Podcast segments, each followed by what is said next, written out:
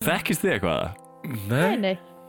Ég hef tilfinningun að við getum orðið perluvinir. Já, gaman að kynna sig þetta mín. Sömur leiðis. Hvernig kemur heim? Þegar ég kem í sumar, ég bara heyri Ok. í þér. Sumar. Já, Gerum eitthvað geggjaði sumar. já, hlaka til. Ég er búin að sakna þinn. Sumulegis. It's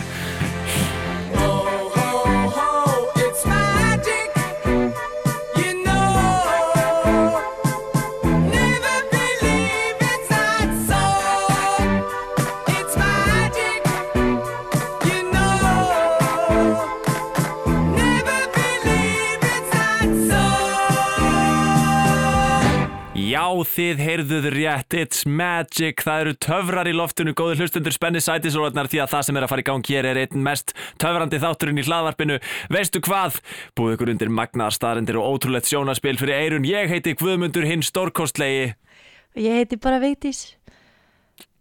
Vigdís er aðstofakonar mín í þessum þætti og hún er bara venjuleg. En ég er stórkostlegur. Sko, töfrar, eh, þú veist, töframenn, það gengur svolítið út á svona uh, að virðast vera einhvern veginn merkilegan maður er. Þannig að ég er bara svo búin að temja mér þetta svolítið að vera, þú veist, að peppa sjálfur mig í gang, sko. Já, mér fýlir það. Það er, sko, ég vil bara hlustundu viti að, að ég er í mjög lekkur um klæðnaði og mjög fallega máluð. Það sést Einmitt. bara ekki í Þú ert- núna. Ertu í svona silki aðstofakonu kjól? Já, og ég fór í lagningu. Ég er alveg með svona, svona krullað hár og ég litaða ljóst. Glæsilegt, ég er sjálfur með pípuhatt og yfirvaraskegg og töfrasbrota Herri, við ætlum að tala um töfra í dag og að töfrabröð, sko, að því að töfrar er rosa stórt hugtak og svona fyrstu fyrstu svona, fyrsta skilgreiningin á Wikipedia er, þú veist, er þrennskonar töfrar, það er í fyrsta lagi bara, þú veist, það sem maður sér í bíómyndum og, og Harry Potter og svona, svona yfirnáttúrulegir, eða það er svona fantasíu töfrar Er það ekki svo galdrar þá, frekar? Jú, jú, uh, galdrar, jú, kannski, jú, ég veit ekki alveg hvernig við notum galdra og töfra orðin mismunandi. Mm. Allavega, það, jú, það er svolítið eins og galdrar, það er bara eitthvað svona, þú veist, að skjóta orku kúlu út úr höndunum á sér. Við erum ekki að um það. Nei, nei, nei. Eh, Það eru líka til svona yfirnáttúrulegir töfrar sem eru svona meira svona tengt rituálum og svona að vera spákona eða norn eða eitthvað svo leis eins og að, þú veist, nota rúnir og eitthvað svo leis. Já, Við erum ekki að tala um þannig. nei, við erum að það. En svona, en svona, svona kannski smá út úr dúr að ég spurði sko blæfi kærustuna mína um það að hún er sko nefnilega hefur sagst þeirra Nord sko Já, og þegar ég var að lesa fyrir þáttinn þá spurði hann svona herru hvernig, hvernig er svona galdra, hvernig galdrar þú? Og bjóstu svona stuttu svari en hún fó bara beintin í skáp í Svernbergin okkar og náði í bara einhvern kistil sem ég vissi ekki að vera til. Og fór að sína mér einhverjar skeljar sem hún er búin að safna á steina og eitthvað og, og hérna, sagði mér svo ástargaldri sem hún bjóinn til með því að hérna, blanda einhverju, búið til eitthvað seiði og fara með einhverju þulu og já, þetta var, hafði skrítin áhrif á sambandið okkar? Býtum á, á hvern nota hann þess að þölu? Var það ekki að þig eða? Nei, hún notaði það fyrir einhverja, einhverja tvær manneskjur sem að sko, hún vildi að myndu byrja saman. Já, og hún segir að þetta hafi virkað. Hún, hún segir að þegar hún fór með galdurinn þá sopnaði hún eiginlega strax að því hún var bara að nota alla orkurinn sína og var bara veik í marga daga. En e, tveimundum síðar þá byrjaði fólkið saman. Ó, vá. mm En sko, ég myndi segja að þetta væri galdrar. Mér finnst vera munur á svona, svona göldrum og eitthvað svona seið, göldrum eitthvað og svo töfrum og töfrabrögðum. Ok, ég skal hérna koma með eina tillögu að við köllum þetta bara sjónkverfingar Flott.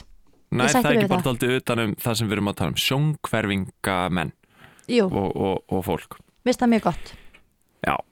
Þannig að við, já, við erum sérst ekki að fara út í sko eitthvað svona yfirnáttúrulega galdra. Ég, það er svona eh, kannski erfitt að tala um það. Ég trú ekki beint á að, að það sé til þó að kannski sé svona ákveðnar orkur í alheiminum. En allavega, við erum að tala um bara svona listformið sjónkverfingalist Já, og um, já, þe- þetta listform er eitt bara elsta sviðslistaform í, í heiminum. Það eru til heimildir um að það hafi verið sjónkverfingamenn e, í Egiptalandi til, til forna 2500 fyrir Krist. Það eru sem sagt uh, það hafa fundist teikningar frá þessum tíma af, af hérna, svona sjónkværingamanni sem, að- sem á að hefa heitið De- Dedi það, Derry. Já, ég veit ekki hvernig það búið fram. Volandi ekki, Derry en hann uh, var sennilega sko bara svona skálduð persóna en, en það er, þú veist, það að það hafi verið einhvers konar sjónkværingamæður sem að var að gera sjónkværingar eins og að sko láta höfuðið á dýrum hverfa og byrtast síðan aftur og eitthvað svoleiðis, sem er svona klassist triks að, að það bendir til þess að það hafi verið sko til einhverju svona sjónkværingamenn á þessum tíma. Einmitt. Um, og það er líka til hérna, heimildir um bara, þú veist, það er til fullta heimildum um, um, um galdra fólk í náttúrulega bara í grískri goðafræði og eitthvað svo leis en það er, það er oft svolítið erfitt að sjá hvort þið verða að tala um sko, einmitt, galdra fólk eða, sjónkverfingafólk því að þú veist, þetta er oft svolítið svona slegið saman sko. einmitt, að því að sko galdrafólk og eins og þá blær, kærasta þín það er Já. eitthvað svona yfirnáttúrulegt einhverju kraftar og eitthvað svona sem Já. er ekki hægt að útskýra en veist, þetta eru þetta eru trygg Já, og það er, þú veist, sjónkværingamenn er alveg heiðalegi með það að þetta eru brögð í tabli og uh, þú veist, en, en töfra stundum s- bröð Já. í tabli, jafnvel. Mitt og, og, en stundum auðvitað skarast þetta þú veist, það eru kannski einhverjir sem, sem að vilja meina þeir séu með yfirnáttúrulega krafta og, og nota þá kannski sjónkværingar til þess að til þess að sannfara fólk um það, eitthvað svo leis en, en, um, en allavega það, það er líka til heimildir um uh, hérna, og kannski bara svona, svona geðvett skýr og góð heimild um sjónkværingamenn uh, í Rómaveldi uh, svona um 50 eftir Krist. Þeir, það voru þess að bara svona það var bara svona titill á, á stjettinni sem var hérna acetabulari sem voru svona töframenn sem gerðu hérna svona cups and balls uh, rútínuna, hvað heitir það á Já, íslensku? þegar það er svona eitthvað undir bolla og þó að það gíska undir hvað bolla það er. Já, svona það. Einmitt, eitthvað svo leið sko. það sem að þú hérna ert með þeir voru með sko bara steina og voru með svona etikskálar og þá, þá er gengur bræð út á það að þú veist steinin hverfur undan og svo er allir konu tveir undir næsta og eitthvað svona. Og þetta er svona, já, bara sennilega elsta töfrabræði í heiminum og hérna það voru meira þess að ágískanur um að það væri sko myndir af þessu frá, frá því í Egiptalandi að fólki að gera þetta það er mögulega einhver miskilningur Vá. Þetta En er hérna- ennþá lífi, góðu lífi svona á, þú veist, í stórborgum þá er eitthvað eitthvað svona, wow, kottu og þá er þetta að borga smá og hérna, til þess að gá hvort maður geti gíska á rétt og maður gískar ekki á rétt þá fær töframadurinn peningin. Já, akkurat. Þetta er hérna klassísk svona, svona svindlrútína þar sem að þú veist, töframæðurinn er alltaf að fara að vinna af því að hann getur bara, bara Töfrað. fært, já, já, já, þú veist, hann nota galdra. Uh, en já, þe þe þetta var sagt alveg bara byrjað og lifði góðu lífið þarna í, í Róm til forna og um, ef við bara hoppum hratt í gegnum söguna þá hérna náttúrulega áttu svona töfrar og galdrar og sjónkværingar svolítið svona erfitt uppdráttar svona sérstaklega í kringum kannski miðaldir þar sem að, þar sem að þú veist nornir voru bara brendar og þetta var allt einhvern veginn tengt djöflinum og eitthvað leis þannig að það var nú, gatt fólk nú ekki mikið verið að stunda þetta Nei, það var ekki vel liðið. Nei, en síðan svona bara, já, á, á, á 16. og 17. öld og, og eh, inn í 18. öld byrjaði svona einhvern veginn, svona töfrar að verða svolítið, nei, fyrir ekki sjónkverfingar að verða svona svolítið, hérna svona viðurkendari og það verður gefnur út bækur og töframenn verða svona smátt og smátt hluti af þessari, hérna sem við höfum oft talað um í þessum þætti einhverju svona, svona karnivalmenningu eða svona það eru kannski markaðir þar sem að þú ert með spákonu og eldblásara og töframenn og eitthvað slis Mm og uh, verða svona hluti af einhverju svona sirkusmenningu sem er að verða til þarna á þessum tíma. Uh, en svona uh, nútíma sko töfra hugmyndinum að vera með bara svona töfra síningu varð til á 19. öld og það er talað um einn mann sem bara svona faðir nútíma hérna, sjónkværingalistarinnar og hann heitir John E- E- Eugene Robert Houdin Já, og hann hérna, er franskur uh, klukkugerða maður og hann byrjar að hérna, sagt, hann, hann er svo fyrsti sem býr til svona, eh, svona bara leikús árið 1845 sem er bara svona sérstakt töfra eða sjónkværinga leikús um, þú heyrir kannski eftirnafnið hans Já, þetta er Houdini. ekki Houdini.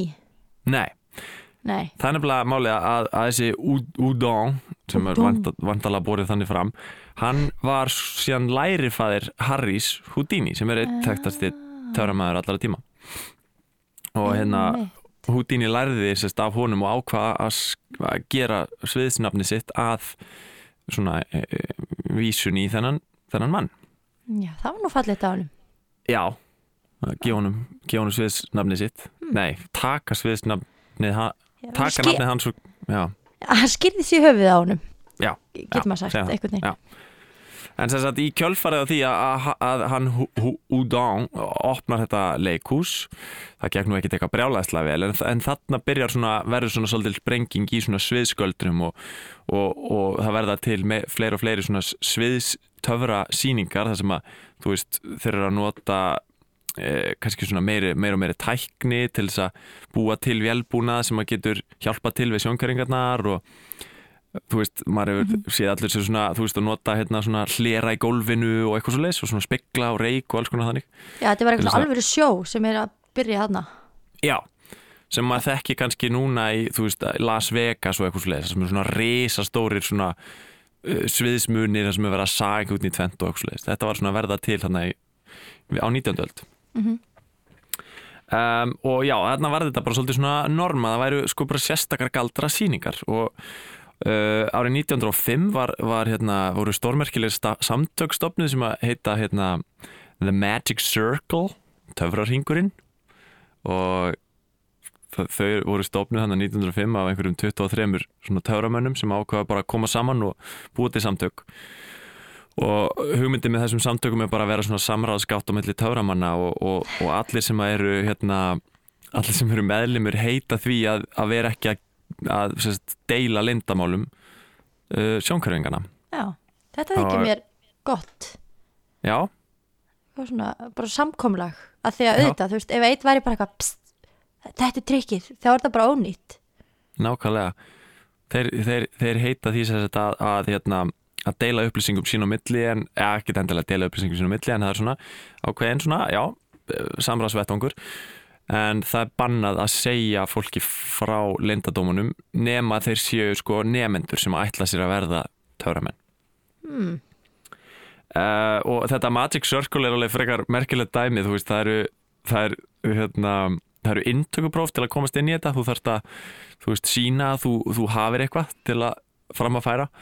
Eða þú getur líka verið sko svona einhvers konar fræðimaður og skrifað svona fræðiritt um töfra eða sjöngvaringar um, það komið svolítið óvart að sjá að hérna, Karl Bretaprins er meðlimur í þessum félagskap Já, uh, og, og sjónvarsmaðurinn Stí, Stephen Fry er líka Já, meðlumur í þessu.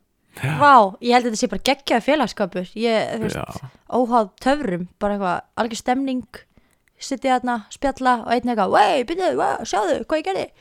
Já.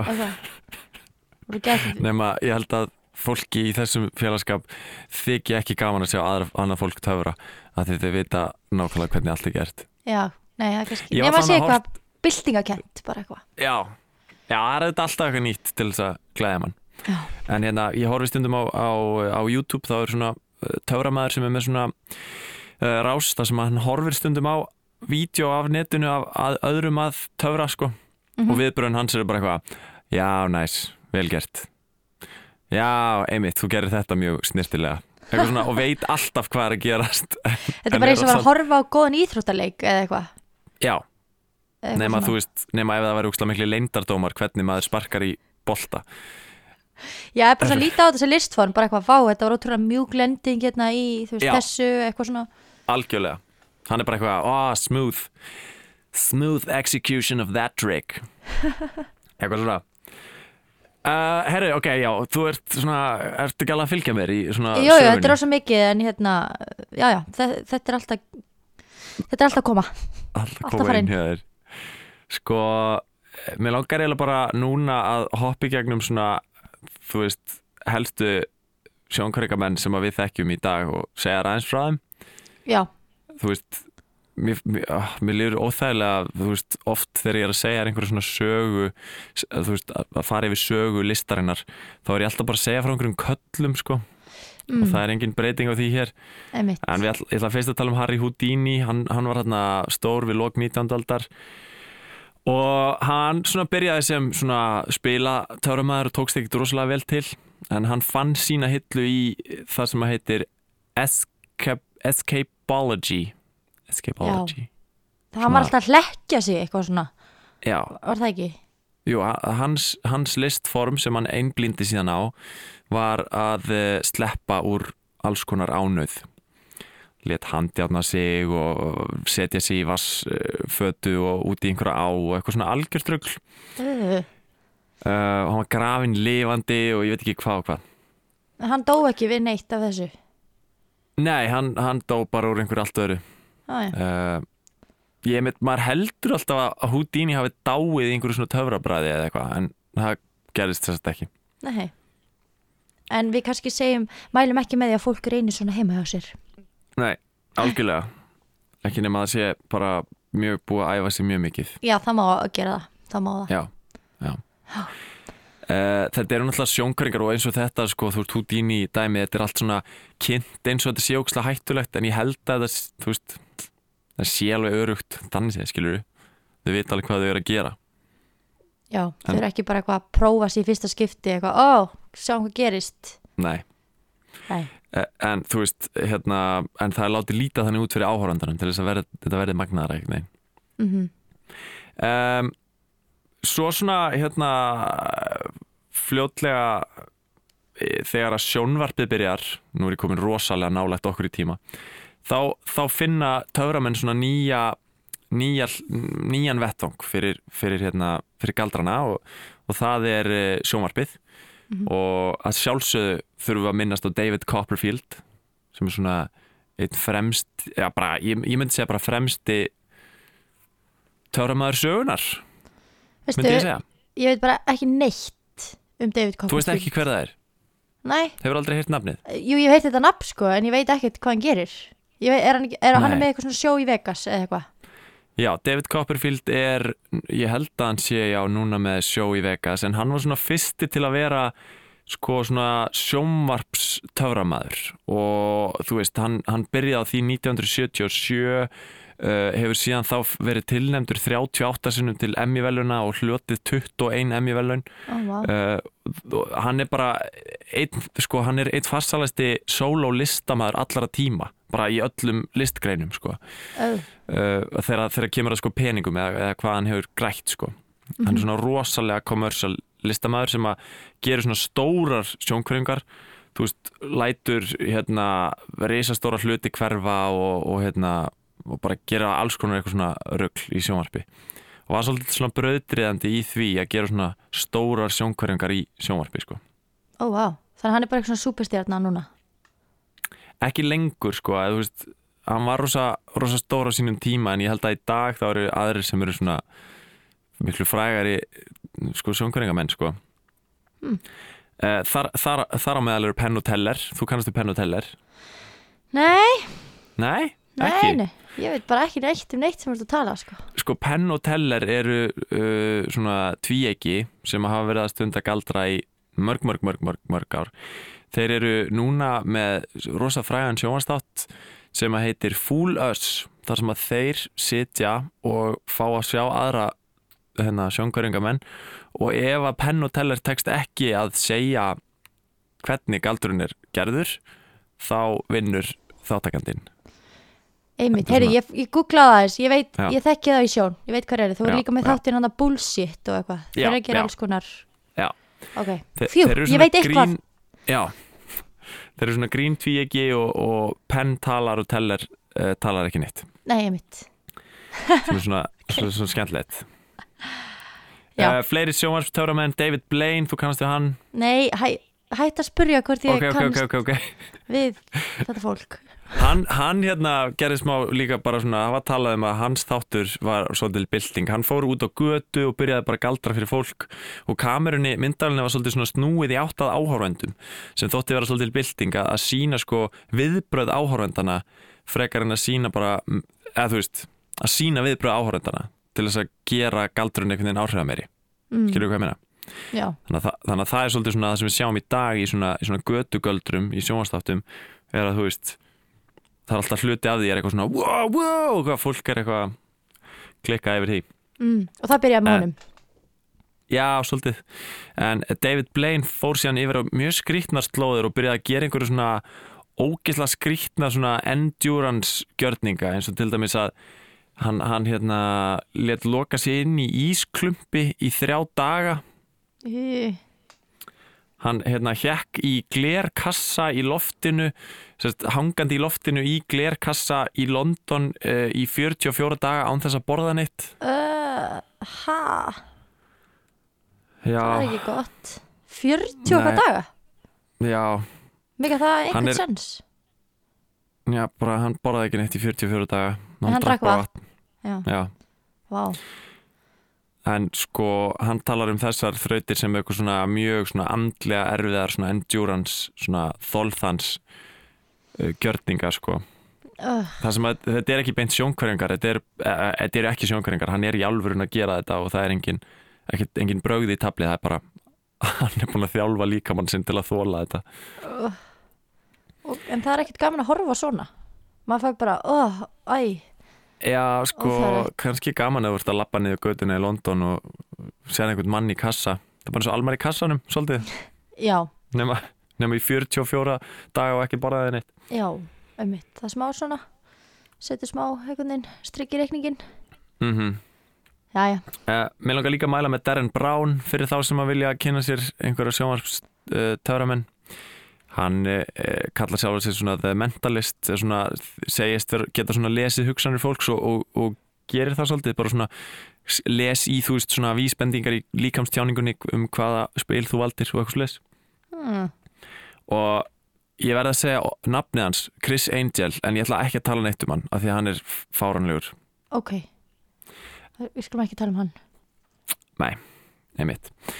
E, ég, það er, mér finnst bara dálítið áhugavert að pæli sko ábyrð töframannsins að því að við vorum að tala um það áðan að um, það er ofta ekki svona skýr skil á milli sjónkverfinga og, og alvöru galdra, þú veist, Mhm. yfir náttúrulega galdra. Einmitt, og, og það eru mjög margir og ég held bara flestir svona sjónkverfingamenn eru, eru mjög ósamála því að að vera að líka þessu eitthvað saman. Veist, það eru flestir töframenn held ég sem að vilja bara vera mjög hreinskilin með það að þetta séu brögð og gald og hérna þú já, þetta er eik- bara einmitt, eins og þú segir, sjónkörfing það er ákveðið eitthvað sem það er að æfa og tækla og gera mjög vel. Já og, það, og, það, og því fylgir mikil ábyrð að geta gert þetta að, eins og hérna eins og að þú getur, þú getur farið til Las Vegas og verið að, að hérna bara svindla á fólki. Þú veist, þú, eða þú veist, þú getur verið í spilaleik og verið í póker og getur bara nota, þú veist, hérna, það sem þú ert búin að læra í töfrum til þess að, til þess að svindla á fólki til dæmis. Mm um, og, og ef að þú ert ekki bara reynskilin með það, ok, ég er að gera bragð núna þá að s- sumra mati ertu hérna, ertu að gera eitthvað siðferðislega ránt, sko. já, einmitt, ef maður er ekki aðskilja þetta Já, Mm. það er til dæmis einn hérna, ísraelsku töframæður sem heitir Uri Geller Mhm.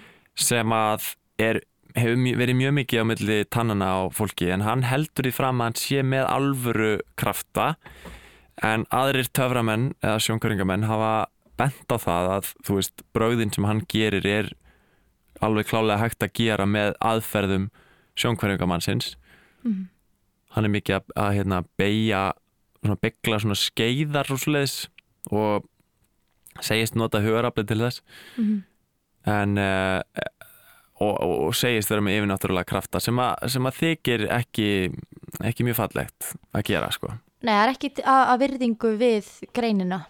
Nei, nákvæmlega það er líka hérna, ég veit ekki hvort þú mannst eftir en hérna það var rosa vinsælt hérna einu sinni á Íslandi að fara til, ég man ekki hvert Filipsega eða eitthvað svoleiðis í svona, í svona einhverja aðgerð þar sem að hérna það var krukkað í maganum á þér og það eru svona dregin út einhverju svona síkt innibli eða eitthvað svoleiðis. Þetta er allt svona svo ógislegt og svona mikið gerfiblóð og eitthvað svoleiðis. What? þú manst ekki eftir þessu? Nei, en hérna, þetta, þetta, maður ætti líka að muna eftir þessu úr kveikmyndinni Man on the Moon sem, að, sem fjallar um Andy Kaufman. Hann var, held ég, hvað, krabbameinsveikur og hann fór í svona aðgerð og, og, og sem átti að lækna hann, sko, en, en þetta er bara kukl og, og hérna, gerfi vísindi sem eru, þú veist, bara einhver svona fólk að, að misnota sér aðstæður sína í rauninni, misnota sér það að það er veikt fólk sem hefur einhverju trú á einhverju og er að þykjast geta lækna það en er í rauninni að nota bara eitthvað svona töfrabræð, sko já, einmitt. Það sem að þú lítur alveg undir eins og þú sért að draga eitthvað svona innibli út úr, beint út úr maganum á fólki án þess að skera það upp. Já, byrju, ég verður að sé eitthvað Já, uh, já, Já, þetta er Ugh. svona dæmi um hvernig þú getur sko misnotað galdra til þess að já, sjónkvæningar fyrir ekki til þess að láta fólk halda úr þetta ég er algjörlega, hugtakanótkunin er á flegiferð hjá mér. Já, þetta er snúið já, En ég meina, auðvitað er það rétt, maður býr yfir einhverjum eiginleika, kann að gera eitthvað rosalega vel sem er hægt að nota á slæman hátt líka. já, Þannig að auðvitað það maður að svona, vera með ákvæmna siðferðisvitund.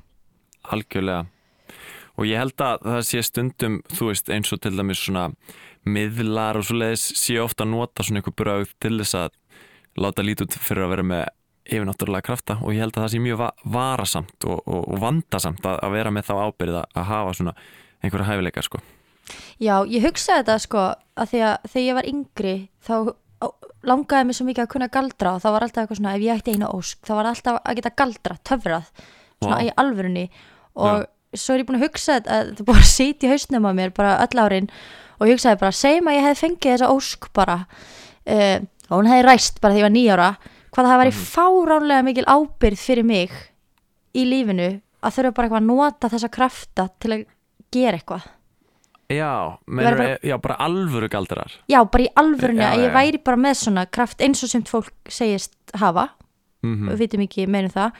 En bara vá hvað það er mikil ábyrð hvað ég þá bara að fara hérna þú veist að, að lækna fólk endalaust eða að fara hérna í veg fyrir rán út um allt eða hvað ég, hva? þannig að ég bara gafst upp og hætti að óska þess að það geta galdra já, já. já, það er ekki gott að hafa það ábyrð þetta er allt og mikið Nei. Herri, en uh, talandu galdramenn, uh, ég ætla núna að fara með því í smá leik. Ertu til í það? Já, Oh, oh, oh, it's magic. You know, you never believe it's not so. It's magic. You know, you never believe it's not. Já, góður hlustundur, nú er komið að uh, þeim hluta þáttarins þar sem við förum í ákveðin lið. Uh, það verður alltaf að vera svona smá, smá uppbrott, smá liður í þessum þætti á okkur. Og svona þér segja Vigdís, þá ætlaði ég, um, og hafði mér dottið í huga að hafa YouTube-horn sem er svona klassískur liður hjá mér einmitt í þessum þætti. Og ég byrjaði að YouTubea töfrabröð og hugsaði bara, það hlýtur að vera eitthvað töfrabröð sem er hægt að, hægt að sína í útarpinu. og ég var bara eitthvað svona, er ekki hægt að hafa eitthvað svona hljóðgaldrabræð eða eitthvað svona og ég fann ekki neitt en ég fann sko bara myndband þar sem að er sko blindur maður með, með YouTube rás mm. og, hérna, og hann var að tala um það að þú veist, hann var spurður á þeirri spurningu hvort það væri til töfrabröð fyrir blinda Mhm. og hann sagði bara nei, ég held í alvörunni að það sé ekki hægt að gera töfra fyrir blinda og þetta er bara, ég hef aldrei pælt í þessu áður. Já, en þú veist, töfrar eru bara eitthvað svona sjónræn miðill já. sem að blindir get ekki mögulega notið, Já, þú veist, ef þetta er sjón hverfing þá felur það svolítið, það er rétt. felur í sér í orðinu. Þetta er doldið í orðinu, það er rétt En ég veit ekki. Nei sko því hann sagði bara hann sagði bara, þú veist, ef að þú segir mér að þú sért með einhvern hlut og svo er hann horfinn þá bara, þú veist er það bara mjög einfalt fyrir því að Æ, allavega hana Já, Þannig ég ákvað ekki að hafa YouTube-botn, ég ákvað að hafa hérna, leik fyrir þig sem að heitir Er þetta alvöru töfrabræð sem töframaður gerði eða eitthvað sem mér datt í hug? Hú, ok, ég er að tegja úr mér, ég er tilbúin. Ok, þú verður að giska hvort að þetta sé alvöru, í alvörun eitthvað sem einhver töframaður hefur gert eða eitthvað sem ég er að bylla. Flott, uh, fyrsta töfrabræð að vera festur við teinana á rússipanna og þarf að losna áður en að rússipannin kemur. Já, pottit Já, rétt. Uh, Lance Burton gerði þetta árið 2003 og ég sá myndband af þessu og það var rosalega astnalegt og eiginlega, ég er eiginlega nokkuð við sem þetta hafi verið feikað uh, Ég meina- og bara klift einhvern veginn saman. Pældu í því að vera með eitthvað svona sjó og svo klikkar það og það er bara rússipanni sem keirir yfir þig eða eitthvað svona ógeðslegt sem gerist. Já. bara fólki sem er að horfa og, og sjokkið sem að það. Ég minn Jeps.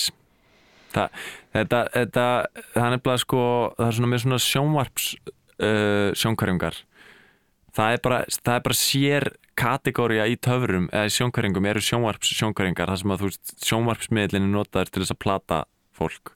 Já. og ég ætla nú að tala um nokkar fleiri þannig því að næsti, næsti galdur ja, sjónkværing er uh, það að sleppa út úr hóteli áður en hótelið springur. Nei, það er alltaf mikið þetta var gert árið 2008 af uh, áður nefndum Chris Angel. Oh, það voru 50.000 manns að horfa á meðan þetta gerðist og hann byrjaði sérst á svölunum og var handjárnaður við svalinnar og það byrjaði einhver niðurtalning. Og síðan hérna sleppur hann úr handjárnanum og, hleypur inn í húsið og, og ætlar að komast sérst markmið er að komast upp á þak þar sem að er þyrla sem býður hans sem að flýgur í burtu. Mhm.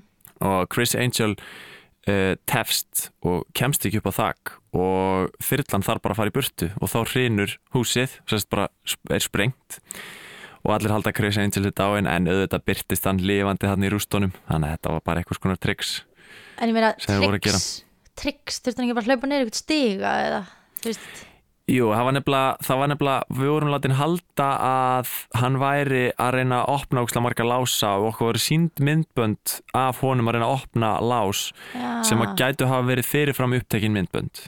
Einmitt. Þannig að þannig voru við plötið Ég trúin ekki öllu sem að ég sé sjónvarpinu sko. Nei, það er eins gott. Og hvað sprengt þessu bara hótel? Já, þetta var greinilega eitthvað hús sem átti að sem sagt, demolisha eða þú veist svona, hvað er þetta? Já, Svona eigða, ok. Sprengja. Mér finnst að það hefði mátt fylgja sögunni að því að ég sagði nei sko að því að þú veist mér fannst þetta svo dýrt eða þetta var að sprengja eitthvað hótel. Já, en þetta var hótel og það Ok, var sprengt. Það var bara rámt hjá þér. Ok. Allána, uh, næsti töfri næsti töfri er að láta frelsistittuna hverfa. Ú. Já, já Já, herri, þetta gerði hann David Copperfield árið 1980 eitthvað, hann lét frelsistittuna hverfa. Og þetta er nú annað dæmi um svona kamerugaldur þar sem að þeir einfaldlega snýru kamerun í einhver aðra átt og sögðu síðan að frelsistittan hefði horfið sem hún gerði auðvitað ekki. Nei, einmitt. Herri, þetta er tilbúin í næsta galdur? Ó já, að vera inni í alvöru sökkvandi skipi og lifa það af? Nei það er ekki Nei, Nei. Nei, þetta var líka það sem bjóð til. Mér fannst þetta samt ekkert alveg klikkaðar heldur en að vera inn í hóteli. Ég hvert ég tóra menn Íslands til að ge gera þetta? Nei, ég hugsaði bara alvöru sökkandi skip Þú veist, nema að segja bara eitthvað algjör draslskip en, en þá geta bara sökk Æ, þetta er bara svo dýrt og mikið Já, það er rétt. Project sko. Já. Herru, en hvað með að halda niður sér andanum í 17 mínútur? Mm, Já, Já, David Blaine, þetta er eitt af þessum sem David Blaine gerði, þú veist, hann er alltaf að reyna að gera eitthvað svona ógustlega lengi. Já, og hann var bara eitthvað, ég ætla að æfa mig að halda niður mér andanum eins lengi og get og held niður sér andanum í 17 mínútur sem var eitthvað heimsmetið eða eitthvað, bara eitthvað svona rugg og hvað, onni þá einhverju vasstangi eða eitthvað? Já, já. Herru, síðasta giskið, þú ert búin að standa þig mjög vel í þessu giski. Takk fyrir. Síðasta giskið sem ég ætla að láta þig giska á er uh, uh, töfrabræðið að fara í rúsneska, alvöru rúsneska rúllettu og lifa það af. Ói Nei, þetta er ekki þægilegt. Ég, ég vil ekki. Þú vilt ekki að þetta hafi verið gert. Nei, Sko, Darren Brown gerði þetta árið 2003 og hann gerði bara sérstakann þátt bara utan um þetta eina bragð. Þar sem að hann sko gerir það þannig að hann velur einhvern, einhvern einstakling til þess að hérna, til þess að sko vinna með í þessum þætti. Og svo eigður hann bara viku í að kynnast þessum einstaklingi og, og lesa í þú veist, hvernig hann bregst við og eitthvað svona, hvern, líkamstjáninguna og eitthvað leis og svo fær hann þennan einstakling til þess að setja byssukúlu á einhvern stað í hérna byssunni. Og svo er hann svona einhvern veginn að spurja hann, þú veist, er þetta í nummer eitt? Er þetta í nummer tvö? Og er svona að reyna að sjá viðbröðin skilur og, og svo hérna skýtur hann í hausin á sér og það kemur ekkert. Og svo skýtur hann í burtu og þá kemur skot. Oi. hann hefur reyndar síðan þá viðkjönd að þetta var eh, svona blank byssukúla. Já, uh, en sem er samt ekki skadlaus, skilur, það er mjög óþægilegt að skjóta sig með þannig í hausinn, sko. en hún fer ekki í gegnum heilan. Hann hefði kannski ekki dáið, kannski Það- ekki. Þetta var ekki alvöru rústnesk rúletta þá Nei, en það var látið líta þannig út. Já, en þú notaðir orðið alvöru Já, þannig þetta, að var, lá- þetta var líka látið líta þannig út. Það Já, var en- það sem áhórandin átti að halda. alltaf leið En þú veist, það er sjónkverfingin, veitís. Já, Þú veist, það er það sem að við okkur er sagt. já en skilurðu. það er ekki En svo er sannleikurinn alltaf brögð í tabli. Nei, ég veit það núna. Já, alltaf Hvað leið hefði ég átt að segja? Þykist láta frelsist stittuna hverfa? Nei, en ég bara, þú veist, þetta er bara villandi orðalag einhvern veginn. Að segja að það hafi verið alvöru rústnesk rúletta og svo var þetta ekki alvöru Vigdís, byssukúl Sko þessi leikur er bara til að þú veist, hafa smá stemningu skilur Já, alltaf leið, en mér veist bara ósnagjart ef ég var að gíska á eitthvað og það sé ekki einhvern veginn bara öll spil á borðinu. Ok, en þannig bara virki ekki töfrabröð Nei, Ok, fínt, við ræðum þetta betra eftir. Ok, við ætlum að fá viðmælanda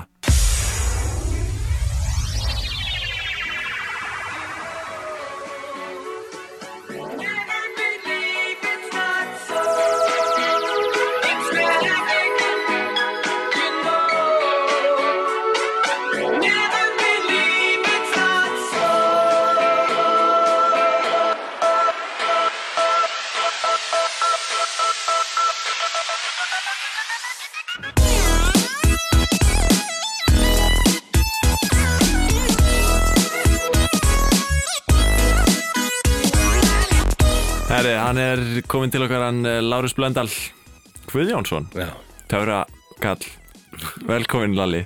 Takk fyrir. Þú tektur sem Lalli töframæður Já, Hvað ertu búin að vera að stunda þetta lengi? frá því ég var sex ára gamall. Vá, Já, Þa, það er ekkert annað. Já. Og hvernig leytist þú út í, í sjónkverfingar? Bróður minn átti töfradótt og allt sem að hann er eldri en ég og allt sem að eldri sískinni eiga, gera eru spennandi fyrir yngri sískinni Mér fannst það spennandi, sérstaklega spennandi af því að ég mátti ekki vera að leika með þetta því þetta var töfradótt en ég mátti ekki leika með það þannig að Pappi... Akkur máttur ekki leika með Að Þetta er töfradótt, það má ekki í töfradóttin það er lindamál Já, af því að hann átti það. Hann átti það, Já, já, já. ég mátti ekki vera fyrst í Ég skilji. Ég gerði það samt alveg, skilu Já, uh, Þannig að pappi kefti handa mér töfradótt uh, og svo bara var ekkert aftur snúið sko Og, það, og, þú- og þú byrjar sérst bara þarna að töfra þarna sex ára gamall. Þú byrjar að sína töfra. Já, Svona fjölskyldubúðum eða eitthvað. Já, byrja að sína alveg Ha- Já, alltaf þegar ég gatt Og hvernig töfra varst að sína þá? uh, Þá Hvar byrja maður? Já, nákvæmlega, nákvæmlega. Á þessu mómenti var ég með svona Þú veist, að láta Láta glas standa upp á spili Til dæmis. Svona, eitthvað svona Og svo svona, ef þú Dragðu spil Og ég held kannski bara á fjórum spilum Dragðu spil Og eitthvað, og svo mixaði ég þeim saman En vissi alltaf hver all, all spilin voru Og Já, allir sem voru að horfa á mig vissu líka skilur hvernig það var gert skilur en ég var sex ára skilur uh, þú veist þannig að ég var að hérna gera bara það einfaldasta sem maður getur hugsað sér í töfrabröðum já. Uh, En síðan verður það svona aðeins flóknar og flóknar já, en ég var samt sko sex ára þegar ég var að gera það. Já, það er nefnilega málið. Ég sagði ég, ég, á, sko. Það er nefnilega málið. Að sex ára bann á ekkert endilega að vita hvað töfrabröð eru. Nei. Sex ára bann á að vita hvað töfrar eru. Mm og það, sem, það sem að þegar að töfrar gerast. -hmm. töfrar gerast uh, þú veist, og þegar ég var lítill þá var ég að gera töfrabröð og fattaði það að ég átti að gera töfrabröð og átti að plata hina með því að ef ég ætla að láta glasi standa á þessu spili þá þurfti ég að, tóa út svona auka flipa sem var á platspilinu. Þannig að þá gatt glasi staðið upp á. Mhm. og, og ég faldi þar á svo vel og eða svona eins, eins vel og ég gatt sex ára en ég fattaði það að skilju, ég átti að plata þau að einhvað væri eitthvað stórkostlegt væri að gerast Aha.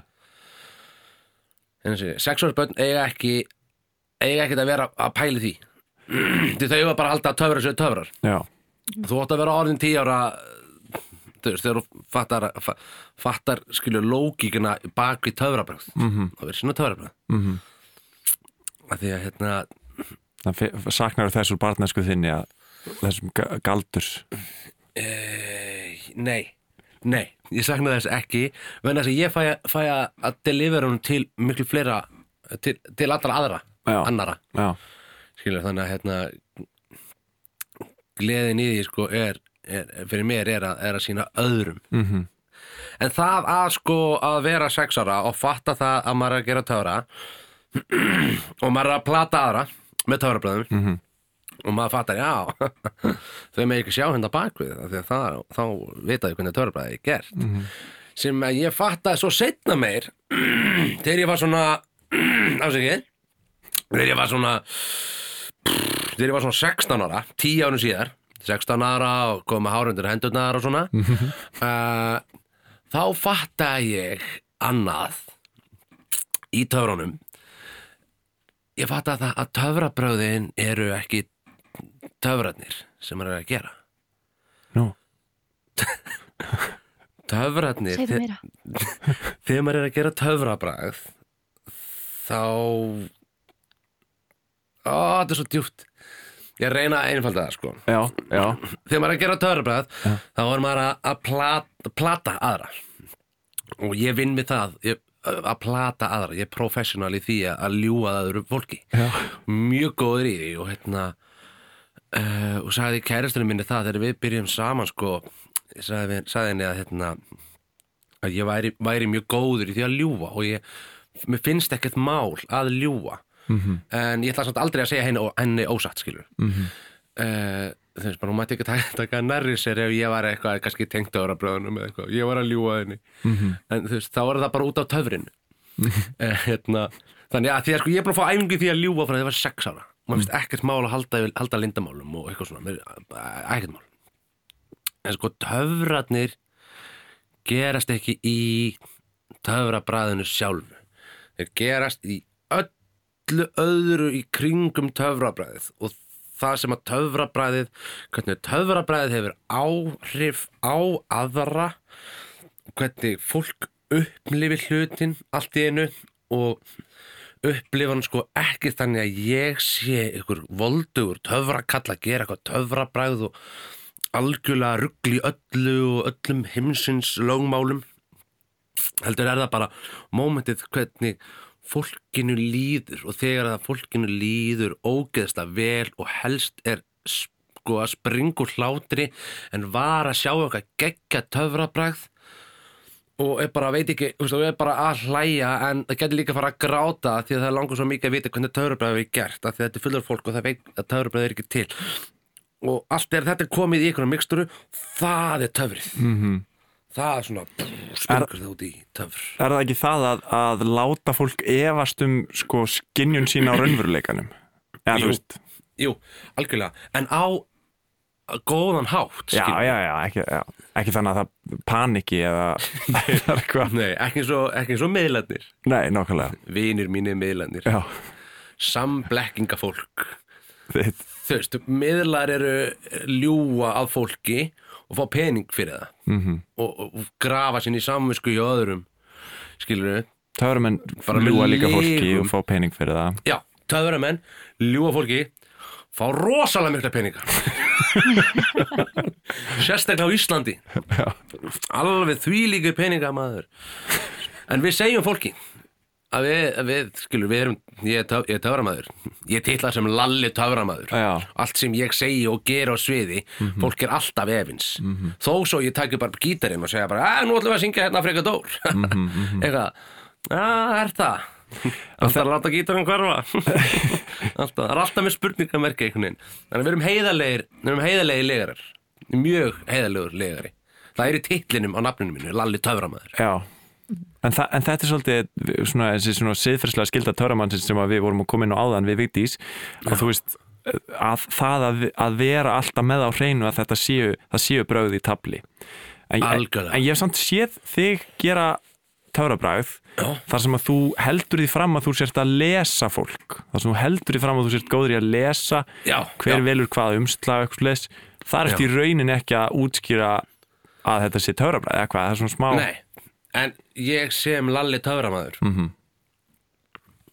Lalli töframæður Þú ert ekkert að fara að trúa öllu sem ég geri Nei, nei. Skilur, þú átt ekkert að gera það Nei, nei. og eins og þetta aðeins sem þú ert að tala um uh, veist, þá er ég skilur það er svo Darren Brown bresku töframæður Akkurat, hann segist vera svona að geta lesið fólk og lesið líkamstjáningu og svo leiðis. Já, og hann byrjar alla sína þætti á því, eða byrjaði alla sína þætti á því að þau segja að þetta er samblanda af uh, hérna, líkamstjáningu Já. uh, hérna svona beit, svona Æ, ég kann ekki sko, svona töfrabröðum bara og alls konar svona dótið til að láta fólk gera eitthvað eða svona, Mm -hmm. þú veist, hann er bara geggjað töfra, töframæður sko hann í grunninn er það það en svo er það líka alveg það er líka alveg mjög mikið í dæminu að þegar maður er töframæður og bara hann að Darren Brown ég dyrka hann, Mhm. hann er frábær. Horfðu á gömlega þættina hans, ekki Netflix þættina hans. Já, horfðu á gömlega þættina hans. Sammála. Já, þeir eru frábæri Já. Netflix, hérna, allt sem hann gerir í Breitlandi er frábært Mm uh, hérna þú veist, já, hann er að ljúa að öllum og bulla Já. og eitthvað en hann er bara svo góð töframæður að þú veist, mann er alveg sama. Mhm. þú veist, hann gera svo ógeðslega vel og þetta er svo ógeðslega flott hjá hann Og þetta er líka kannski bara svona hluti að hans sögu, þú veist, hérna, törmar á að vera að segja sögu í rauninni líka. Þú veist, hans já, herru, það sem við varum að pæla á hann Já, að sko, hérna að uh, þegar maður er sko hvað, hvað var það? Já, þú ert með ADHD. Já, pínu, Já. og hérna þegar maður, hérna umslega töfrabræði sem við erum að tala um, Já, svo fólk veit ekkert hvað það er að að- en hérna, að það endar að sérst, einn, einn liðurinn í því atriði er sá að, að hérna, ég held á, á tveimur umslugum og, og, og búin að vera með alls konar umslug og pff, maður þarf ekki að vita nákvæmlega það dæmi sem ég er að taka núna er að ég held á tveimur umslugum og hérna, mannsk segir, ég ætla að velja umslag nummer eitt ég segi, ok, rétti það fram og segi, ertu alveg viss? Já Eh, Viltu ekki breyta? Nei, nei, nei, já, ok Kem því á manneskuna Læta hann að hafa með sljónum eitt Og manneskuna opnar og það er ekkert í því og ég opnar úrslæði mitt og það er velun í því eða eitthvað. Þannig er ég bara að taka 100% séns ah, Ég er að uppljósta pínu lindamál Þannig, þannig er ég að taka algjörlega, alg, algjörlega sénsinn að því að ég er búin að rétta fram hendina Já, og segi, þú vilt umslag nummer eitt. Eða þú veist, mannska segir, þú veist, ég að fá umslag nummer eitt. Ég segi, ok, rétti hendina fram. Og þegar ég segi, viltu breyta? Eða viltu ekki skipta um umslag, eitthvað, þetta alveg viss? Mm Mhm. af því að það er ekkert í umslagi nummer eitt. Mhm. að það er vinningur í umslagi nummer tvö og þannig er ég bara að uh, þú veist, og þannig er maður ekki að töfra. Þannig er maður að mæntfoka eins og maður segir. Já, maður að rugg, En þú veist að það eru verðlun Þú veist að það eru verðlun í umslagi 2 já, ég veit að það er um, verðlaun í umslagi nummer tvö og það er ekki í umslagi nummer eitt.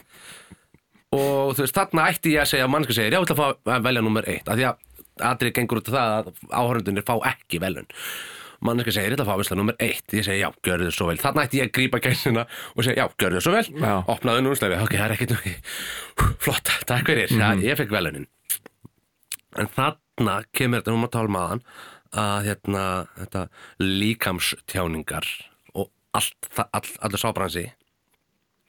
Þannig er ég bara uh, eins og ég segi, að taka sensinn og ég er að tegja lopan frá því að hún mannska segi ég ætla að fá einslega með eitt.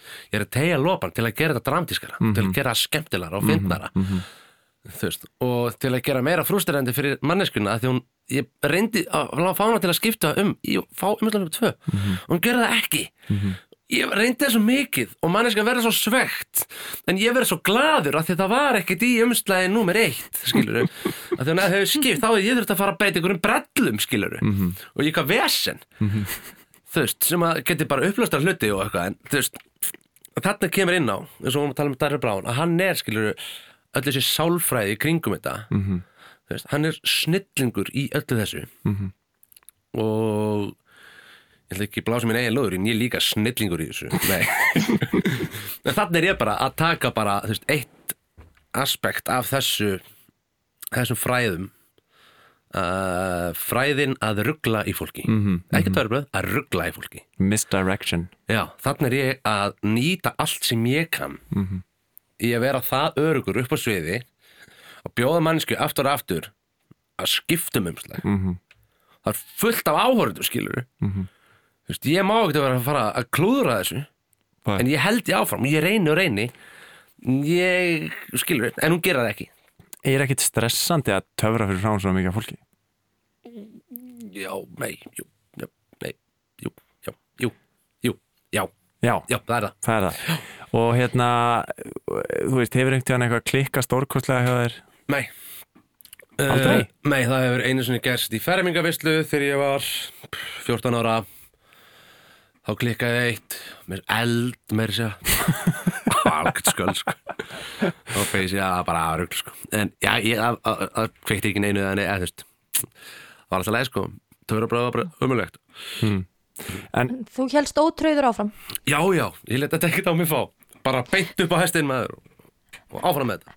Já, En að því þú byrjaði svo snemma hefur þau samt náðan jóta töfrabræða utanfrá? Eða er- hefur þetta alltaf verið bara eitthvað eitthvað svona, ó þetta trikk er flott eða hefur verið eitthvað svona, wow Já, þetta er hérna mjög, mjög góð spurning. Flott flott spurning vegna, vegna þess að uh, já, ég gerði það þegar ég var lítill. Þá var ég alveg bara wow, þetta er ekki dú, dú, dú. en svo bara þegar ég var bara, þegar ég var hún úlingur sko, þá var þetta bara já, já. Og ef ykkur segir, hei, viltu koma að horfa þetta töramann? Nei, nei, bara alls, alls ekki, sko. Mér finnst það bara leðilegt, sko.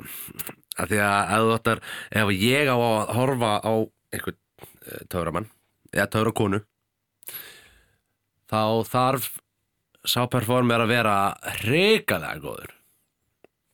Það þarf að vera eitthvað meira það þarf að vera eitthvað alvöru töfrar. Ekki bara eitthvað flott töfrabræð mér er alveg sama ég er komin á þann stand, á, þann standard þann stað mér er alveg sama um eitthvað flott töfrabræð það er við erum að tala um áðan töfrana, töfrarnir eru ekki bara eitt töfrabræð Mhm. þannig að mér er alveg sama ef ykkur með eitthvað eitt flott svo, já, fínt. En ef ykkur kemur upp að mér og segir hei, Lalli, ég skynna eitt, eitt flott töfrabræð þá er alltaf að segja endilega og, bara á, þetta var eitt flott töfrabræð, takk fyrir. Uh, en ég vil sjá eitthvað meira. Ég vil sjá eitthvað eitthvað ég vil sjá eitthvað magic. Mér finnst það að lýsa það best. En, en viltu þá meina að þú sko kunnir alla tækni sem að töfra maður gæti mögulega verið að nota? Já, þú veist, þú ert meðvitaður um öll brögð sem að gæti verið já, að... já, þetta er eins og fótbolti. uh, mér finnst mjög gott að líka öllu samt í heiminum við fótbolta. Já, við gerðum með þess að áðan.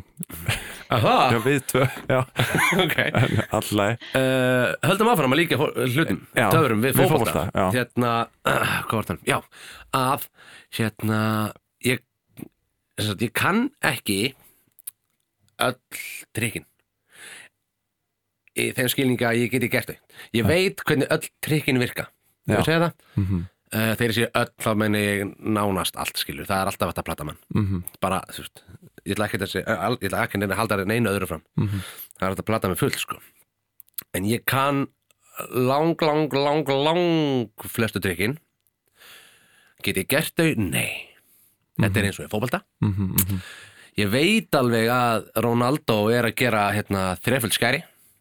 Og svo fer hann bara fram með manninu Mhm. Get ég gert það? Nei. Einmitt. Skil, ég veit hann er að hlaupa rosa hratt með boltan og svo bara skýtar hann í hotnið og skorar. Já. Get ég gert það, nei. En er ekki, sko, er þá ekki mikil sko framþróun í töfra heiminum, þú veist, er ekki alltaf verið að búa til ný og ný brögð en, Jú, núna, internetið maður. Já, Springdi allt. En bröðin byggja þá kannski bara öll á sömu prinsipum, eða þú veist, sömu Já, ógeðslega mikið á, á gömlu góðu gildunum. Sem að, ef maður getur sagt það þetta er eins og hérna, hérna í Den, þá kom í Den, þegar ég segi Den, þá meina ég bara þú veist, þegar ég var ungur. Já, þá var uh, sjóasmarkaðarinn sem að á klárlega að hefja göngu sinni aftur. Sjóasmarkaðurinn var frábært fyrirbæri mjög skemmtilegt. Uh, sjóasmarkaðurinn seldi hér uh, spólur, vaffaðspólur með glímu kletta töframanninum og glímu, grí, glímu. Og grímu kletti töframannin uh, var að afhjúpa leindarmál einmi, þeim mann eftir þessu.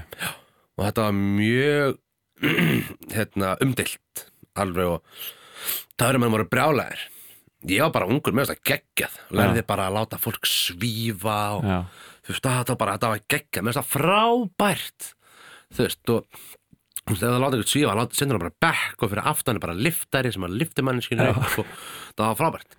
En málega er að að grímukletti töfrumæðurinn var að kenna göml, gamlar aðferðir. Skilur mm, þetta gamla góða það. Mhm. og það var frábært því að hann á þarna á einu bretti tók hann öll töfrabröðin og kendi öllum töfrabröðin en að töframenn þurfti að fara að finna nýjar aðfyrir mhm, gera hlutina á nýjan hátt. Mhm. Þú veist þannig að þú veist töfrabröði eru orðið miklu betri. Mhm. miklu flottari. Svo kom internetið og það bara ef, þú vilt læra eitthvað töfrabröð þá ferði bara internetið. Eittu bara náum miklum tíma á internetinu þú læri töfrabröð, þetta er ekkert mál sko. og þess vegna sérstaklega í dag þarftu að vera með þetta magic. Mhm. ekki bara eitthvað töfrabröð af því ég get gert töfrabröð og bara svona takk fyrir mig, lalli töframæður, hveður þá getur þú bara farið heimtiðin og og er bara nógum lengi á Google og þá bara finnir út hvernig þetta er gert. Mhm. uh, sem er frábært og þá bara getur þú gert töfrabröð en þegar þú gerir töfrabröð þá er ekki þetta magic eins og þegar lalli töframæður The showmanship The showmanship of performance. Performance! Herru, kannski svona rétt í lokin. Hver eru svona þínar stærstu fyrirmyndir í göldrónum og, og hver, hverja lítur upp til? Hver er bestur í dag? Það, þú horfir kannski ekki á aðra töframenn? Lítið sko. Uh, þú myndist á Darren Brown. Uh, ég mynd, já, hann er góður, ég veit, ég eini ég á engan svona uppáhalds töframann sko. Hvað finnst þér um svona töframenn sem að gera svona, eh, svona sjónvastætti þar sem að þeir eru að svífa og þetta er bara svona búið að klippa það? já, hefur verið tvo tíma eðabútt eða? Nei, nei, það er bara, það, bara allt, bara, mér, mér er drull sko. Þú veist, það er bara eitthvað sem þeir, þeir gera sko. Já. af því að þeir eru bara töframenn þeir eru bara að ljúa Mhm. þú horfur á þáttinn og veist bara hann er að plata skilur mhm, má hann ekki bara nota einhverja kvikmyndabrellur alveg eins og ég nota mínar brellur upp á sviði. Já. Og svo er hann og er að brella fólk. Mér líður samt eins og hitt sé einhvern veginn meiri lígi já, miklu meira, miklu meira svindl sko. Þegar þú ert að, út á götu og ert að segja þessi ókunnigt fólk og svo er þetta bara leikarar, skilur og eitthvað svona.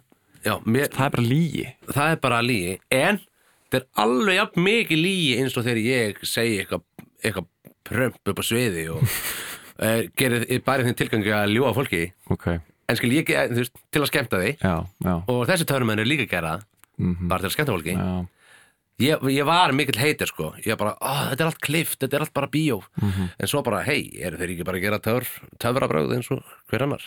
Eru ekki bara einhver sjónblekking? Og þeir eru að ná fram hinnum aðsta tilgangi sem er að skemmta fólki. Nákvæmlega Það er næst sem skiptir máli. Nákvæmlega. Hafa gaman. Hafa gaman er, er líkilórið uh, Lalli. Mm. Törumar, hvar, Mhm. hvar getur fólk séð þig? töframæður.is Kekjað Fjekkstu þú bara það lén? auðvitað á ég það lén. Lalli er töframadurinn ég er töframæður Íslands. Hvað er þessi að fá einhvern B töframann hérna í, í státinn, veitir? nákvæmlega. Nei, ég veit ekki. Farðu bara inn á töframæður.is og þú getur verið þær í 2-3 daga sko. Það eru fu- myndir og viti og Herru Lalli, takk fyrir koni, veistu hvað? Mér finnst Veistu hvað er framleitur af hinnum stórkostlega Guðmundi Felixinni, hinni mögnuðu Vigdísi Hafleðadóttur og hinn ótrúlegi Bjarmi Reynsson samti stefið. Töframaður Íslands, Lárus Blöndal Lalli Töframaður var gestur okkar í þessari viku, hann má finna á töframaður.is. Sjáumst í næstu viku.